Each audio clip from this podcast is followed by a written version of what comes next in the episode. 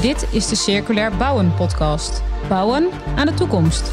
Met Ewout de Bruin en Maarten Hag. Welkom terug bij deze podcast van het transitieteam Circulaire Bouweconomie. Waarin we met deskundigen en doeners de mogelijkheden, de uitdagingen en de nieuwste ontwikkelingen op het gebied van circulair bouwen verkennen. En we hebben mooi nieuws. Ja, want de Circulair Bouwen podcast die gaat door. En mede dank aan jullie daarvoor, onze enthousiaste luisteraars. Jullie weten onze podcast al goed te vinden.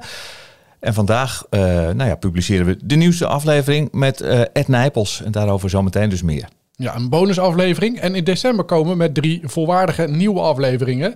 Waarbij we de blik wat verbreden van woningbouw naar uh, ook andere terreinen van de circulaire bouweconomie. Ja, dat doen we dan met onze vaste gasten Mariette Rutte en uh, hoogleraar Vincent Gruis. We bespreken onder andere het materialenpaspoort. Dat is al verplicht hè, nu in uh, nieuwbouwwoningen. Maar er blijkt ook heel veel behoefte te zijn aan zo'n paspoort bij bestaande gebouwen die in de komende jaren gerenoveerd worden. Ja, we gaan ook dieper in op het gebruik van secundaire materialen. En daarmee verkleinen we zowel de afvalstroom als ook de uh, vraag naar maagdelijke grondstoffen. Ja, en we verkennen de mogelijkheden van carbon-based design. Want met bankbouwen zorgen we er weliswaar voor dat de CO2-uitstoot bij gebruik nagenoeg nul is. Maar er is nog genoeg winst te boeken bij de bouw zelf. Ja, deze week, op de dag van het Klimaatakkoord, verscheen hierover een rapport vanuit het transitieteam Circulaire Bouweconomie. Dat werd overhandigd aan de SER in de persoon van niemand minder dan Ed Nijpels. En jij was erbij? Ja, dat klopt. We waren op die dag van het Klimaatakkoord. En uh, Nijpels is natuurlijk voorzitter van dat Klimaatakkoord. En hij kreeg uiteindelijk dat rapport aangeboden door Thomas Welling van het transitieteam Circulaire Bouweconomie. Beste Ed Nijpels, welkom. Uh, we hebben dit rapport opgeleverd omdat we vinden dat uh, circulaire bouweconomie een enorme bijdrage kan leveren. De bouwsector aan zich een enorme bijdrage kan leveren aan uh, het reduceren van de CO2-uitstoot ook. En um, nou ja, met deze overhandiging doen we een aantal handreikingen daarvoor.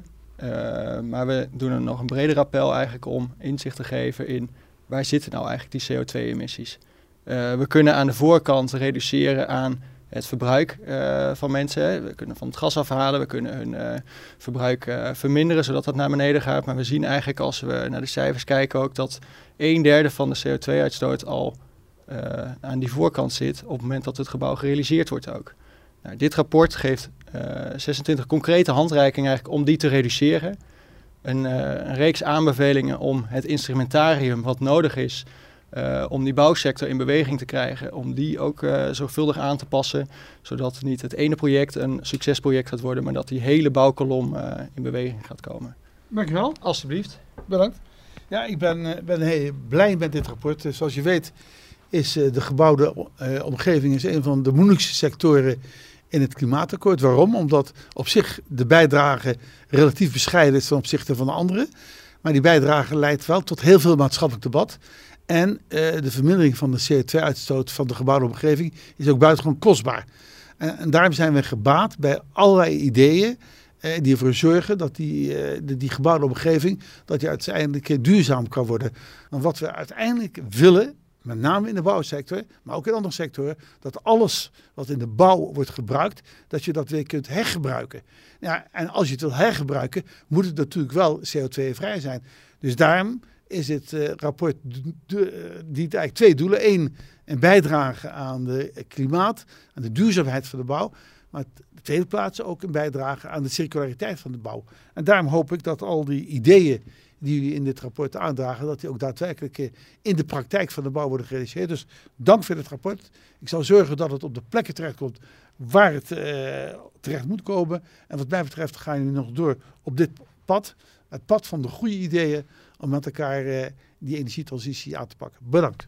Carbon-based design dus. In december gaan we dieper in op dit onderwerp met onze vaste gasten Vincent Gruis en Mariette Rutten. En jij gaat nog op bezoek bij een mooi project, Ewout? Ja, dat klopt. We zijn uh, onder andere nog op bezoek geweest bij een, uh, een club die uh, werkt aan het hergebruiken van viaducten over de weg, over de snelweg.